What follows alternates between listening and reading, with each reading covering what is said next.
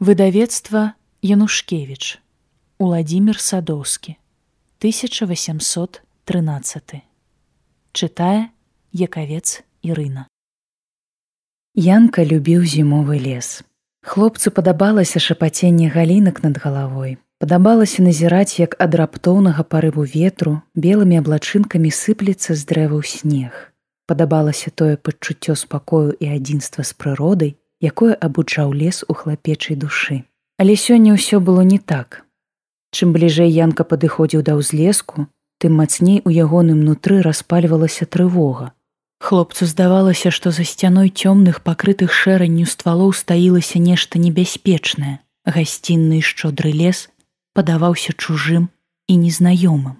Яшчэ раніцой, атрымаўшы загад збірацца на паляванне, Янка ўзрадаваўся выправе за муры замка, Кашталян даў яму стрэльбу, стузін набою са шротам і паўжартам прыстрашыў: без дзічыны не вяртацца. Учора ў госці да графа прыехаў пляменнік з Петербурга і кашталян паабяцаў гаспадару разнастаіць стравы да вячэры. Янка апрануў кажух, нацягнуў аблавушку, пачапіў шырокі паляўнічы пас і выйшаў на двор. Там ён напаткаў пакаёўку паліну, якая несла праз замкавы дворык ваду са студні. Янка зрабіў сур'ёзную міну, выпрастаўся, па-заліхвацку скінуў ружо і нібы жаўнерна муштры прайшоў міма дзяўчыны, высока ўздымаючы ногі. Паліна пырснула са смеху. Юнак зірнуў у ейны бок і падміргнуў. Прыемны ўспаміну скалыхнуў ягонае сэрца. На дарогу да лесу Янка выйшаў з усмешкай на вуснах. На бязвоблачным блакітным небе на ўсю моц прамянілася сонца. Незважаючы на гэта, над наваколлем панаваў мароз. Але янка не адчуваў холаду.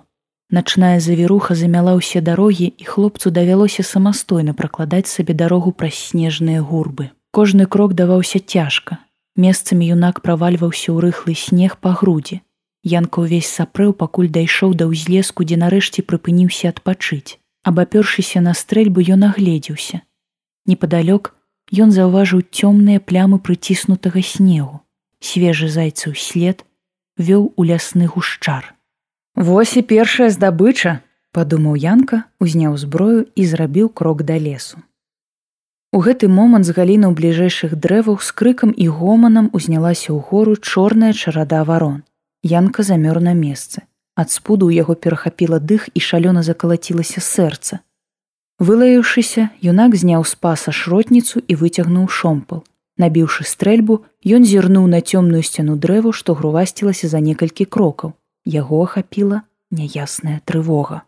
Янка ўзняў стрэльбу і ўвайшоў у гушчар там, дзе перарываліся зайцавы сляды.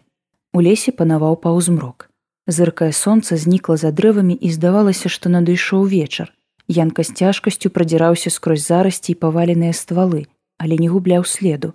Месцы, куды скакала жывёліна, на снезе былі добра бачныя. Хлопец ускінуў стрэльбу і стараўся ісці як мага цішэй.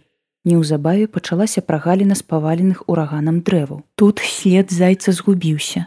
Янка доўга ўзіраўся ў зямлю, пакуль не заўважыў цёмную пляму на белым покрыве. Ён падышоў бліжэй і ўбачыў, што на снезе ў лужы крыві ляжала адарваная заечая лапа.